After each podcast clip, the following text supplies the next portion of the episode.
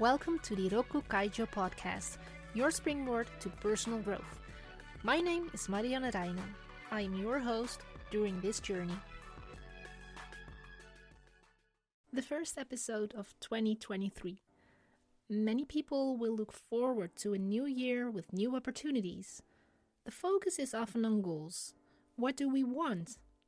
Not to ruin your mood, but I thought it would be useful to zoom in on what we want to prevent at the start of a new year.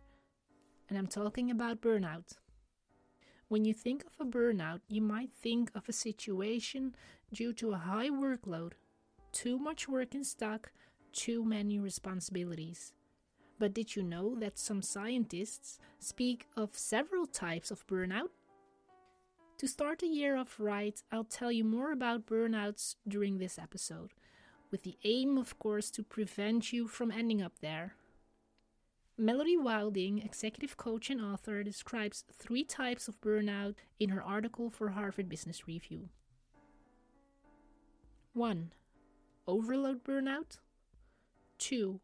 Under challenged burnout. And 3. Neglect burnout. We will discuss with each type what it includes, which signals you should be aware of, and how to handle it. 1 overload burnout. What is it? This is probably the type that first comes to mind when you think of burnout. An overload burnout is a burnout caused by working too hard and frantically to be successful at the expense of your private situation and health.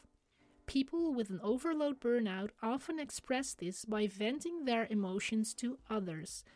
Think of statements that indicate that they are tired and overwhelmed.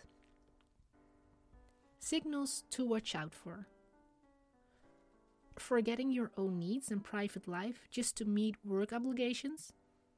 Investing relatively too much time and energy in your career and ambitions. Endangering your own well being in order to achieve your goals.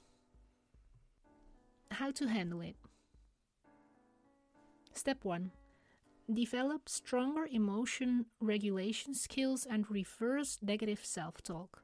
For example, if you feel that you always have to be on in order to perform, it is good to think about this.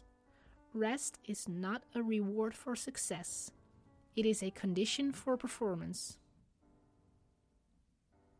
Step 2 Learning to separate self esteem from work. Your personal value does not depend on what you do at work. 2. Under challenged burnout. What is it? Actually, the opposite of the overload burnout. In this case, there are too few stimuli. This leads to low motivation, which can manifest itself in a feeling of being unappreciated, frustration at not progressing or learning, or perhaps or perhaps the lack of meaningful connections with colleagues. People with an under challenged burnout deal with their stress by, for example, seeking distraction or closing themselves off from others. Signals to watch out for. You have the desire to fulfill more challenging tasks or a more challenging role. You have a feeling that your job does not allow you to make good use of your potential. You feel that your current role forms a blockage when it comes to improving and developing your talents. How to handle it? Challenge yourself by setting a new goal. Start small. Want to know more about this? In the last season, I spent a series on habits. Perhaps there's something here for you. 3. Neglect burnout. What is it? This type is also known as the worn out burnout. You're exhausted. It occurs when you do not experience enough structure, direction, or guidance in your workplace. It may be difficult for you to meet the requirements. This can create a feeling of incompetence, frustration, and uncertainty. People with a neglect burnout become passive in the long run and no longer make an effort to change their situation signals to watch out for. You stop trying the moment something unexpected happens. When you have to deal with setbacks, you give up. You get up with great reluctance, not looking forward to the day ahead. How to handle it. Very interesting. Make a to don't list. What not to do. It is a matter of setting boundaries, learning to say no, and delegating tasks where necessary. Another tip is to be open and transparent to your manager when it comes to the amount of work you have on your plate.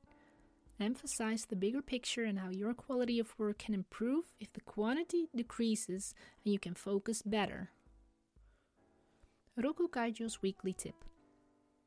Which signals do you recognize looking at yourself or a colleague or a friend? Write this down and think about how you can help or support yourself or others with this. A small step in the right direction can make all the difference this year. Thanks for listening to the Rokku Kaijo podcast. Tune in every Thursday for a new episode. More information and the latest news can be found on the website rokku-kaijo.com.